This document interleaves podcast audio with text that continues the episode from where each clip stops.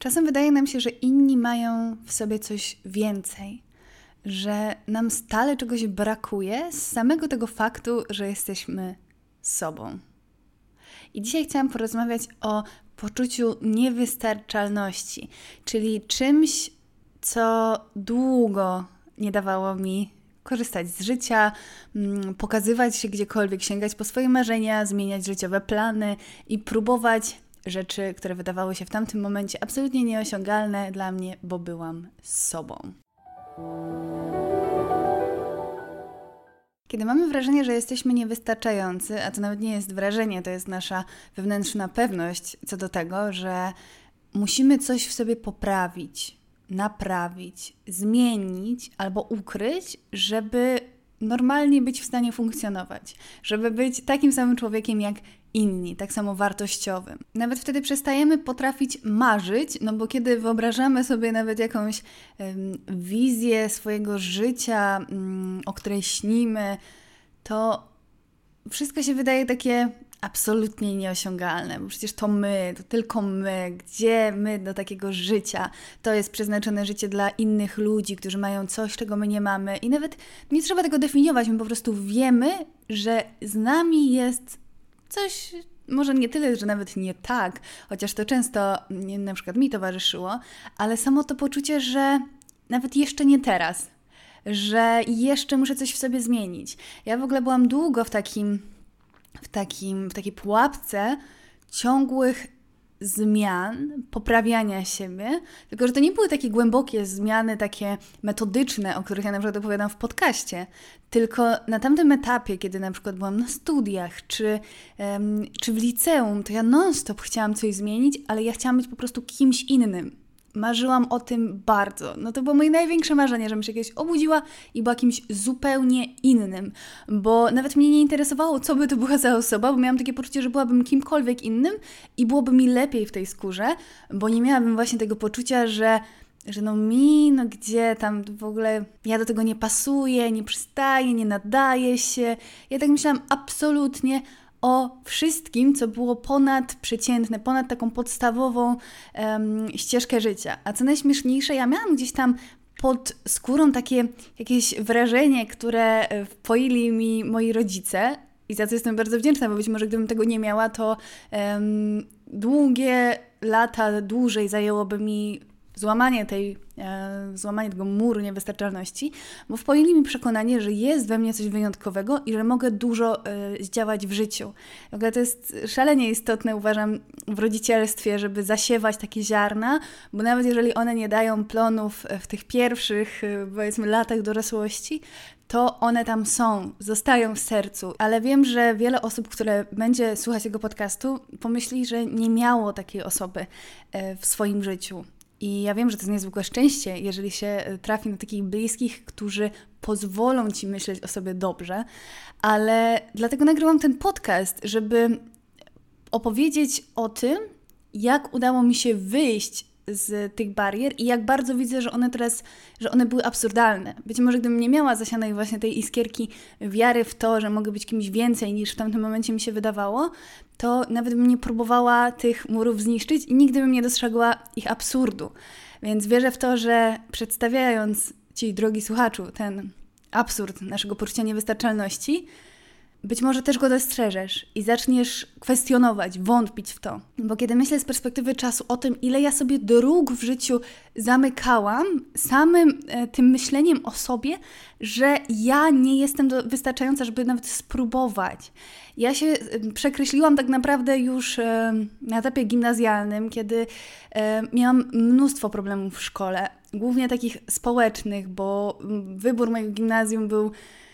jedną z gorszych decyzji mojego życia, ale nie żałuję jej, dlatego że zaprowadziła mnie do miejsca, w którym jestem teraz, z którego jestem bardzo zadowolona, ale to był szalenie dla mnie trudny czas, dlatego że poszłam do gimnazjum takiego tylko dlatego, że chciałam nie zostać sama i pójść, y, pójść z ówczesną najlepszą przyjaciółką. I to był błąd, dlatego że trafiłam do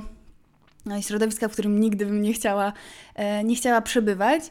i bałam się chodzić do szkoły. Nie chodziłam, e, wagarowałam i miałam duże problemy e, przez to e, w nauce z frekwencją. Więc kiedy poszłam do liceum, to już miałam takie poczucie, e, jako określona jako taki bezwzględnie beznadziejny uczeń, jakim byłam w gimnazjum, Um, bo też ze względu na ten stres, ja w ogóle nie byłam w stanie się uczyć, bo ja się bałam chodzić do szkoły. Nigdy o tym sobie nie mówiłam, ale myślę, że kiedy mówię też o takich rzeczach um, dobrych, które były e, tłem mojego, e, mojego dzieciństwa, tak jak to, że rodzice wpajali mi, um, mi tę iskierkę wiary w siebie, no to warto też wspomnieć o tym, że no nie miałam tak fajnie, jak mogłoby się wydawać, dlatego że na przykład właśnie te czasy gimnazjalne były dla mnie straszne. Wymiotowałam ze strachu przed pójściem do szkoły, byłam pobita i pierwszy raz powiedziałam o tym publicznie, ale może warto o tym mówić. Ostatnio bardzo zaimponowało mi, kiedy mm, widziałam u żurnalisty wywiad Sylwii Gaczorek, którą też obserwuję w internecie od, od lat, która mówiła o tym wprost, że miała podobne... Mm, podobne przeżycia właśnie w, w tym okresie. I poczułam jakieś takie, um, taką siłę płynącą z tego, że ona o tym teraz mówi, że ja mogę się z tym utożsamić, że ktoś, kto teraz e, robi naprawdę zawrotną karierę i jest inspiracją dla wielu osób, w tym dla mnie, no, że mówi o takich rzeczach, że, że, że nie trzeba się tego wstydzić, tylko to jest częścią naszej historii. No ale takie sytuacje, kiedy też takie odrzucenie e, społeczne, strach przed, przed tym, co się może wydarzyć, w ogóle nie spodziewałam się, że o tym powiem w tym odcinku, no ale to jest właśnie, to jest y, koszt autentyczności, autentycznego strumienia myśli.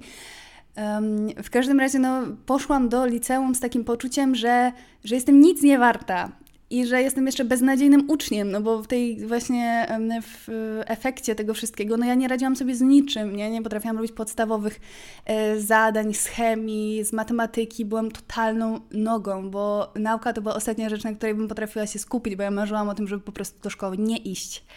Więc tak o sobie wtedy myślałam i ja już na tamtym etapie się po prostu skreśliłam, jeżeli chodzi o jakąś, o jakąś sensowną drogę mojej edukacji. Ja wiedziałam, że chcę skończyć liceum, chcę napisać maturę, bo nie wyobrażałam sobie, że mogę zrobić po prostu inaczej i tak naprawdę tylko dlatego um, tak to przebiegło. No i chciałam iść na studia, bo też mi się to kojarzyło z tym, że po prostu no, no trzeba, że no trudno mi nawet to teraz wytłumaczyć, ale nie wyobrażałam sobie takiej sytuacji, w której nie idę na żadne studia. Um, wydaje mi się, że chciałam też po prostu sprawić taką jakąś przyjemność e, rodzicom tak naprawdę. Um, może nie tyle przyjemność, co no co ich nie zawieść w tym aspekcie, bo w liceum na pewnym etapie udało mi się poprawić, jeżeli chodzi o naukę. W ogóle to jest zabawne, bo w momencie, kiedy się wyprowadziłam z domu jako 18-latka w trakcie liceum, e, to zaczęłam się uczyć na serio i się okazało, że w ogóle kiedy ja mam taki um, pełen spokój, kiedy mogę właśnie siedzieć sama, to potrafię się uczyć godzinami i to mi sprawia przyjemność. A jakoś, y, kiedy, kiedy byłam po prostu dzieckiem mieszkającym z rodzicami, to było dla mnie to strasznie trudne. No ale kiedy wzięłam taką odpowiedzialność za swoje życie wtedy, powiedzmy, e, no to, no to poprawiłam te stopnie, ale ja sobie w ogóle nie miałam żadnej, żadnej wizji tego, e, żadnej wizji tego, co ja bym mogła robić. Ja uważam, że się absolutnie do niczego nie nadaje, do żadnego zajęcia do żadnych jakichś ciekawych studiów. Ja w ogóle nie, nie czytałam. Ja zaczęłam interesować się kierunkiem studiów chyba w momencie pisania matury mniej więcej. Kiedy ja już miałam w ogóle wybrane, wybrane rozszerzenie, wybrałam tylko jedno, bo chciałam po prostu zdać, nie miałam żadnej wiary w to, że, że pójdę gdzieś dalej e, w swoim życiu, że mogę robić jakieś rzeczy, bo to byłam ja. I poza taką drogą edukacyjną, jakimś takim planem na siebie, karierą, no to ja oczywiście miałam bardzo duże problemy z y, uwierzeniem w to, że jestem warta coś jako człowiek, bo te właśnie trudne nastoletnie lata mi pokazały, że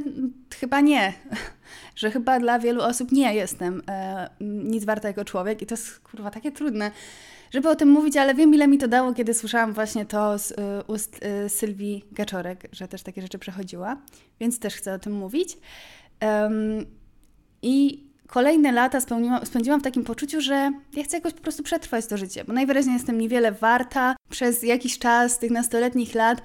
próbowałam gonić za jakimś takim ideałem urody, bo czułam, że może to w jakiś sposób sprawi, że nie wiem, że dostanę akceptację, yy, że dostanę sympatię ludzi. Yy, I to było dla mnie straszliwie ważne, do tego stopnia, że że nie wyobrażałam sobie na przykład, kiedy, mm, nie wiem, nocowałam u mojej koleżanki w liceum i miałam wrócić trzy przystanki, czy tam cztery do siebie do domu I nie wyobrażałam sobie, w sensie następnego dnia rano, i nie wyobrażałam sobie wyjść bez makijażu, bo no tak bardzo czułam, że ja jako ja jestem absolutnie niewystarczająca, więc próbowałam wszystko, co mogłam na tamtym etapie z takimi możliwościami finansowymi, jakie może mieć tam 15-16-latka, czyli, czyli marnymi, ale to, co mogłam, po prostu cały czas zmieniałam. Miałam wszystkie możliwe kolory włosów, um, ubrania, wtedy właśnie um, pojawiły się lumpeksy i szukanie czegoś za, uh, za 2 zł, za 3 zł, żeby po prostu tak naprawdę na pewnym etapie też wyglądać jak, nie, nie jak ja, żeby uciec od siebie,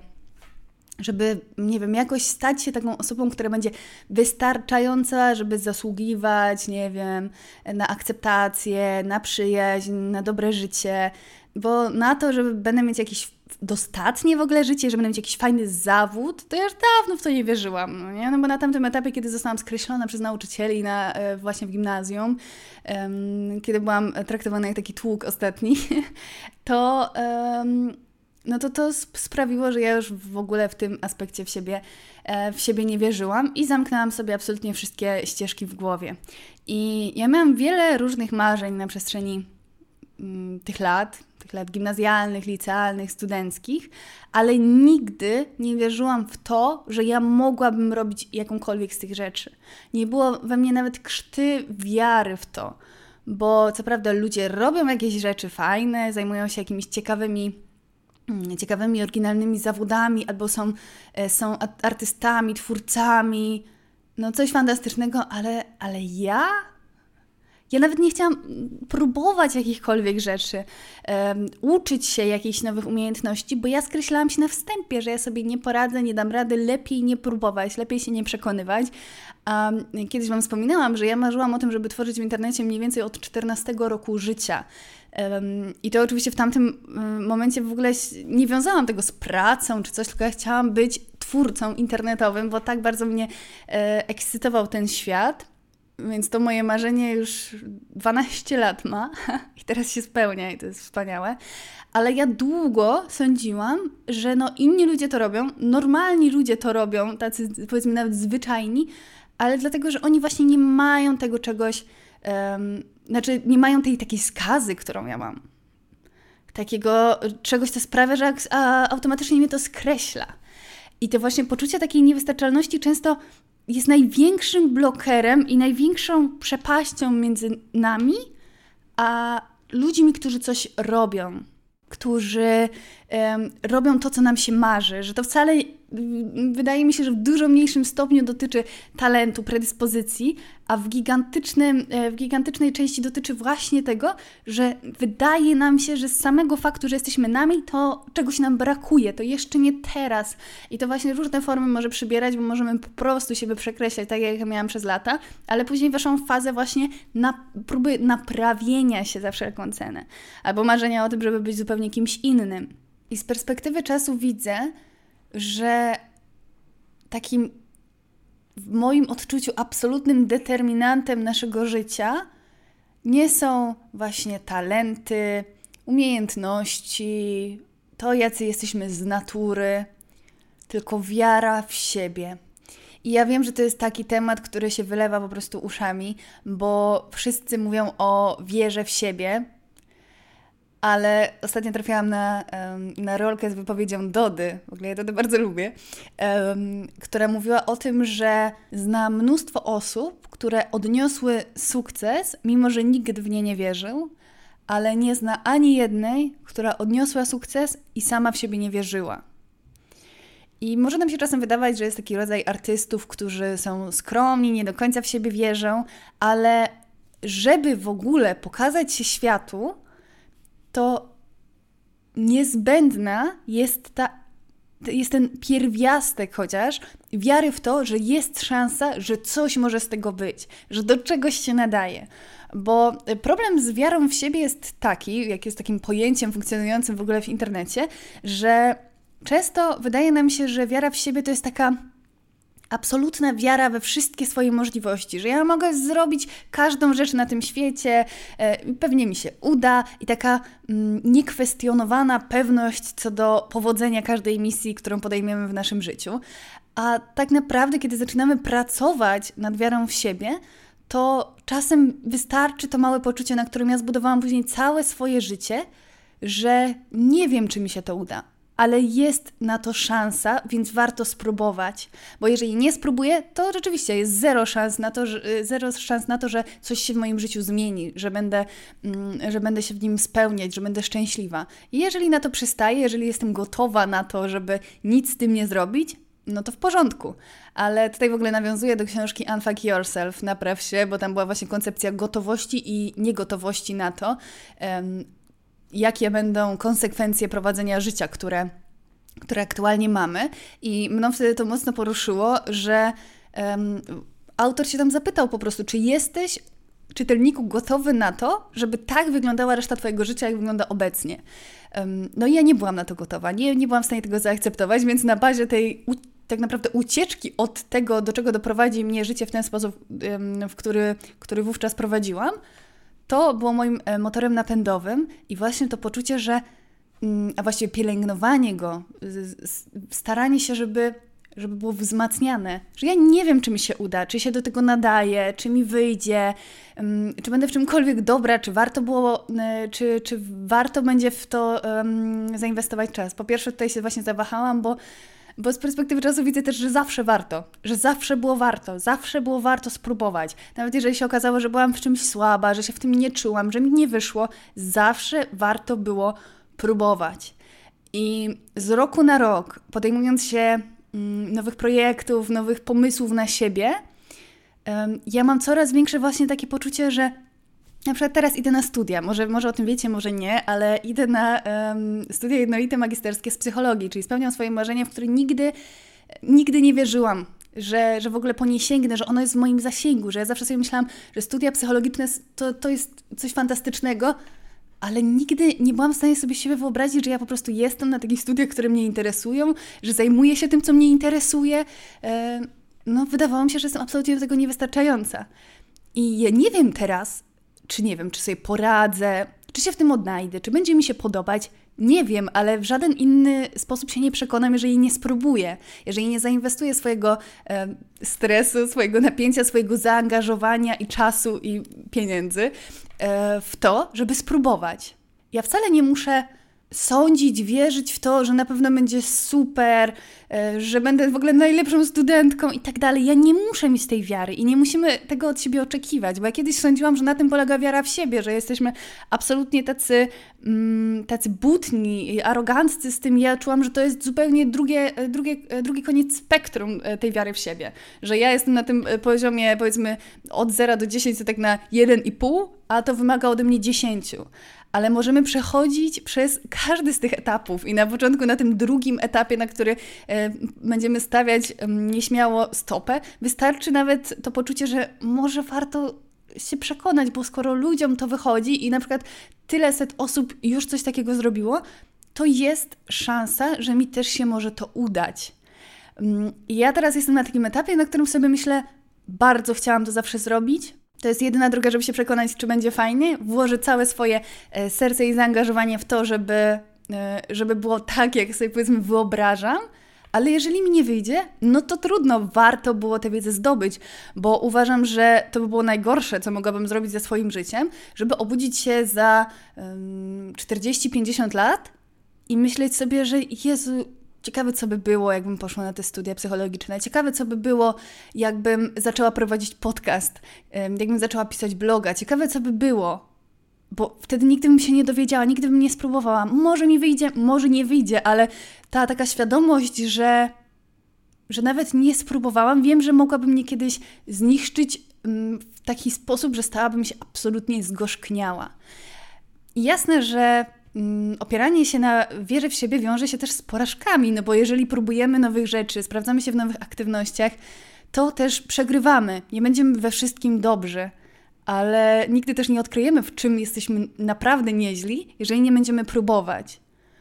Ja pamiętam, jak w moim sercu y, zasiało się ziarno tego, żeby kiedyś nagrywać podcast. To było mniej więcej półtora roku przed tym, y, kiedy zaczęłam rzeczywiście nagrywać. I nie miałam pojęcia, czy mi wyjdzie, bo czasem do mnie piszecie, że chcielibyście nagrywać, um, nagrywać podcast albo działać w jakikolwiek sposób inny w internecie, ale czujecie, że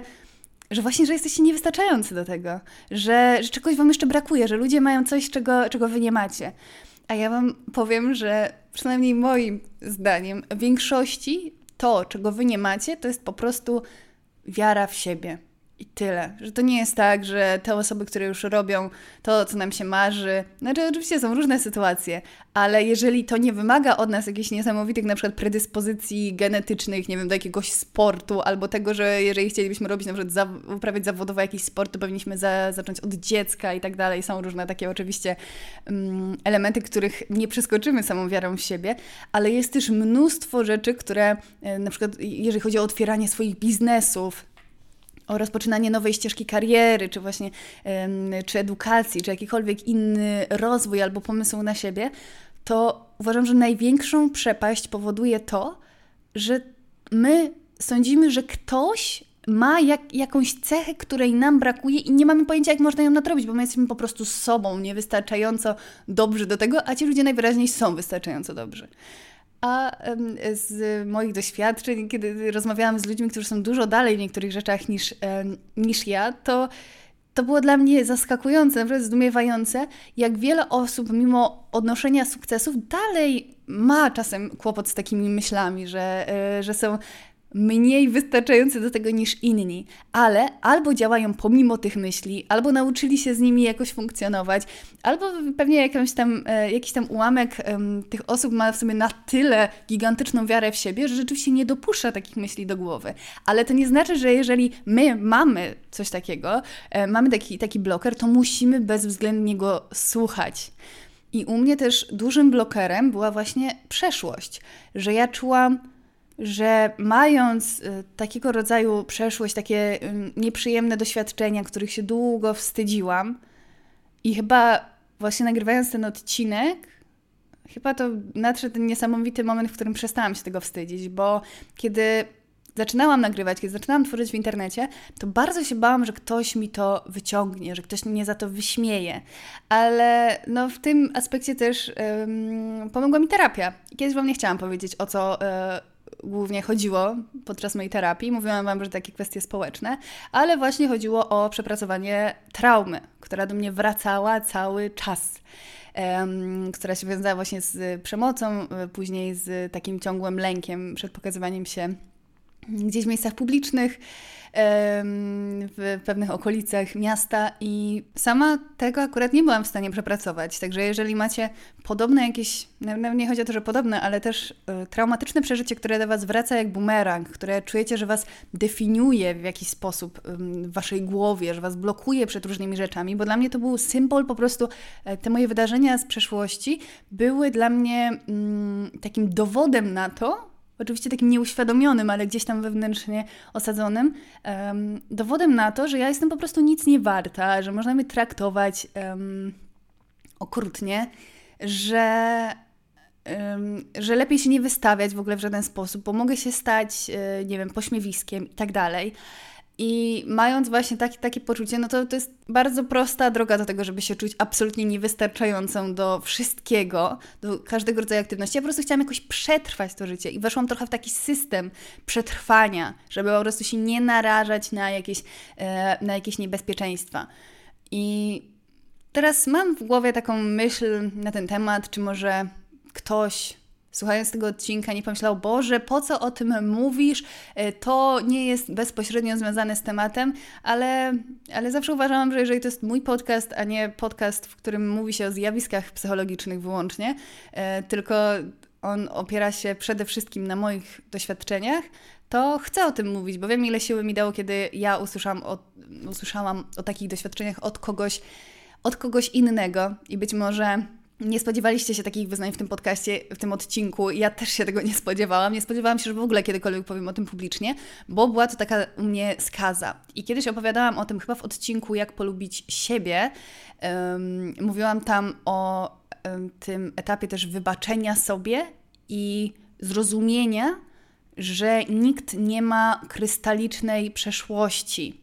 I ja też tam o tym wspominam, że ja oczywiście nie byłam aniołkiem, no nie? Ja byłam, um, ja bardzo źle zareagowałam na te doświadczenia, które, um, które mnie dotknęły i byłam jak, um, jak jeż z kolcami, no nie? I to się przerodziło w taką bardzo negatywnie nastawioną do świata, do ludzi e, postawą. Także mm, no, dla mnie gigantycznym krokiem, który trwał długo, było pogodzenie się też z tym, mm, ze swoją przeszłością, z tym, że ona naprawdę mnie nie definiuje. I to, to jest taki frazes, który się często podkreśla, i ja mam wrażenie, że dopóki się pewnych rzeczy w sobie nie przepracuje, to go nie rozumiemy, bo ja go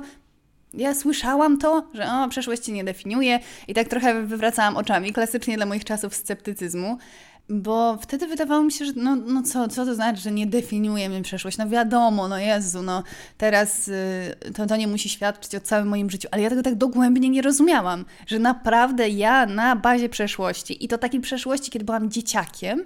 ukułam sobie wizję tego, co ja, znaczy taką, taki obraz tego,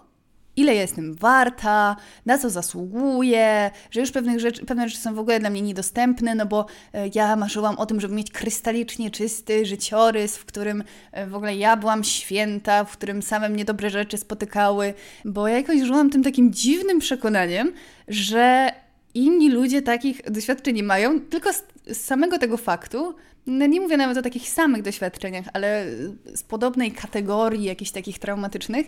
e, nieprzyjemnych, takich, o których nie chcieliby mówić, albo sami coś zrobili, tak jak ja miałam na koncie różne też e, niefajne zagrania, no to ja sądziłam, że jeżeli, nie wiem, że jeżeli ludzie o tym nie mówią, to znaczy, że oni tak nie mają. Mimo, że ja nigdy o tym nie mówiłam. Nigdy. Um, nikomu. Znali to, te historie moi tylko najbliżsi. I Teraz widzę, jakie to było absurdalne, nie? że byłam otoczona murem, który składał się z cegieł mojej przeszłości, e, której się wstydziłam, której czułam, że ona mi już przekreśla w ogóle plany na przyszłość. Z cegieł tego poczucia, że nie jestem e, warta zbyt wiele, że nie mam. Mm, że nie mam perspektyw na przyszłość, że próbowałam jakieś rzeczy i mi nie szło, że ktoś oceniał, że się nie nadaje, że e, ktoś mnie odrzucał. I ja sobie zbudowałam ten mur wokół siebie i uważam, że właśnie tym ten mur jest tym, co nas odgradza od życia, które nam się często marzy. Bo kiedy zaczęłam pracę nad sobą, pracę nad wiarą w, w siebie i pod koniec już, kiedy czułam, że już praktycznie mam ten mur zburzony, ale zostały takie elementy, których nie jestem w stanie sama wyburzyć, to wtedy właśnie poszłam na terapię, którą u mnie trwała trzy miesiące, bo ja potrzebowałam przepracować tak naprawdę jedno zdarzenie, jeden etap i nie sądziłam, że tak, tak szybko uda mi się to zrobić, bo oczywiście to nie było tak, że to jak ręką odjął po prostu po trzy, trzech miesiącach terapii, ale z, m, mm, terapia pozwoliła mi zacząć podważać e, też wagę tego traumatycznego wydarzenia em, w związku z moim życiem, bo mm, ja na jednej e, sesji powiedziałam, że ja tak bardzo bym nie chciała mieć takiej przeszłości, że tak bardzo bym chciała się nie musieć wstydzić tamtych wydarzeń, i, i nie mieć po prostu czegoś takiego na koncie. I wtedy właśnie moja terapeutka um, mi pokazała taki, taki rysunkowy komiks o tym, że my zabieramy te swoje doświadczenia um, i idziemy z nimi dalej, ale one nie powinny budować naszego poczucia, jakim jesteśmy ludźmi, tylko być elementem naszego bagażu, który każdy ma różne syfy. I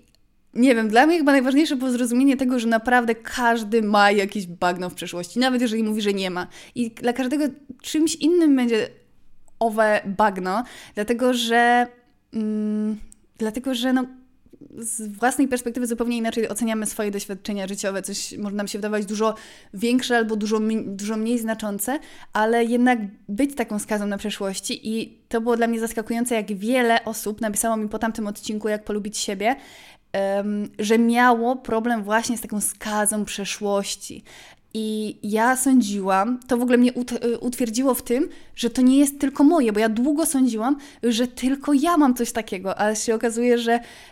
że prawdopodobnie większość ludzi ma. No i kiedy um, te ostatnie cegiełki, których nie byłam w stanie, były za mocno przymocowane, to były już takie głębokie przekonania o moim, e, o tym, czy jestem czegoś warta, czy, jest, e, czy mając taką przeszłość w ogóle mogę być kimś, kto może innym pomagać i tak dalej, skoro ja mam coś takiego na,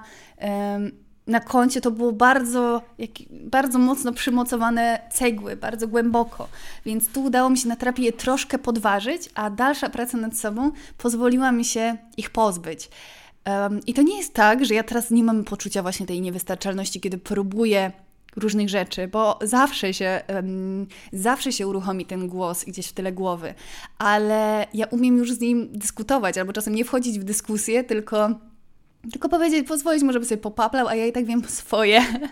I um, nagrałam taki odcinek, podstawa mojego, fundament mojego self-care i tam właśnie opowiadam o pracy ze swoim wewnętrznym dialogiem, bo to uważam, że jest absolutnie kluczowe tutaj. Te myśli będą się pojawiać, że o Jezu, gdzie tam ja, gdzie coś. Słuchajcie, ja miałam przez lata w ogóle takie poczucie, że ja na przykład mm, nie jestem w stanie iść na zajęcia grupowe z jakiejś aktywności fizycznej. Dlatego, że też miałam złe doświadczenia z ćwiczeniem wśród ludzi i to był mój wielki strach, i nawet kiedy ten strach już miałam przepracowany w dużej mierze, to i tak czułam, że to nie jest dla mnie, że ja nie mam wstępu do takich sytuacji. Bardzo trudno jest to wytłumaczyć, ale to jest właśnie to poczucie, że no inne dziewczyny mm, dają radę, mogą, nadają się tam, a ja tam nie pasuję. I to było w ogóle coś, co bardzo długo mi towarzyszyło, czyli poczucie, że ja nigdzie nie pasuję. E, że ludzie coś mają, czego ja nie mam i ich to łączy, a ja właśnie tego, tego mi brakuje, więc nie mogę się odnaleźć. I ostatnio byłam, e, w ogóle pierwszy raz na takich zajęciach, byłam na zajęciach z aerial yogi, czyli takiej jogi powiedzmy akrobatycznej, na takich hamakach, szarfach e, z materiałów podwieszanych pod sufitem. Było super, ale przede wszystkim to mi dało takie kolejne poczucie, że Jezus Maria, tyle lat sądziłam, że ja nie wiem, że ja się tam nie nadaję do takich zajęć, że ja będę zawsze najgorsza, że coś, że się wygłupię, że milion różnych takich myśli. A kiedy właśnie te, te różne cegły zostały podważane w, w, murze niewystarczalności, nawet takich właśnie prostych rzeczy, nie tylko y, studiów, pracy, kariery, relacji, ale też takich drobnych rzeczy y, dnia codziennego, stylu życia, kiedy zaczynam podważać tę myśl, że ale dlaczego mam się niby nie nadawać? Bo już sobie uchłam to przekonanie, że po prostu, bo ja to ja, ja tam nie pasuję, ja się nie nadam. Dlaczego? Bo nie wiem, jak miałam 15 lat, to na przykład e, miałam bardzo złe doświadczenie z tym związane. Ale to wcale nie świadczy, że teraz jako 26-latka też będę mieć takie. I oczywiście czasem, czasem się zdarza, że czegoś próbuję i to mi w ogóle nie wychodzi. Patrz, prawo jazdy. O tym opowiem w innym, e, w innym odcinku, na jakim etapie jest, e, są te moje próby, ale i tak się zajebiście cieszę, na przykład jeżeli chodzi o prawko, że miałam w sobie tyle wiary, żeby znowu spróbować, żeby dać sobie tę kolejną szansę, bo w podważaniu tej myśli o niewystarczalności i w pielęgnowaniu wiary w siebie szalenie istotne jest to dawanie sobie szans że spróbujemy. Nie, nie, nie za pierwszym razem, za drugim, za trzecim. Spróbujmy. I dawanie sobie ciągle tych szans, tego, mm, tych możliwości, że mogę spróbować. Nie jest tak, że jestem do czegokolwiek niewystarczająca. Czasem mi nie wyjdzie, okaże się, że okej, okay, może do tego się nie do końca nadaje, ale zawsze teraz e, pielęgnuję w sobie poczucie, że, że w każdej sytuacji jestem wystarczająca do tego, żeby chociaż spróbować, jeżeli chcę jeżeli jest we mnie jakakolwiek chęć spróbowania, to za wszelką cenę podważam myśli o tym, że o nie, no gdzie ja tam, no nie, no ja tam nie pasuję, no inne dziewczyny, inni ludzie może tak, ale ja... Boże, kiedy wyburzyłam ten mur i tak jak, wspominam, tak jak wspominałam, to te myśli wracają, ale ja po prostu inaczej się z nimi obchodzę. E, nie traktuję ich poważnie, tylko one sobie gdzieś tam przelatują albo mówię, znaczy tak gdzieś tam mam ten wewnętrzny dialog, e, w którym powątpiewam w te myśli, nie daję im sobą kierować, to wtedy człowiek się czuje jakby właśnie poza tym światem, który sobie zbudował na bazie przeszłości, swoich przekonań co do siebie, tego, co mu wpojili inni ludzie i ten mur jest, znaczy ogradza jeden metr kwadratowy naszej przestrzeni i nagle się okazuje, że kiedy burzymy ten mur, to świat jest pełen możliwości. I to jest coś niesamowitego, kiedy nagle nam się otwierają oczy na to, ile jeszcze możemy zrobić, spróbować i jak wiele dróg nie było zamknięte, tylko my je zamknęliśmy sobie w swojej głowie. I ja właśnie dlatego, że przeszłam taką drogę, stworzyłam projekt Glow Up,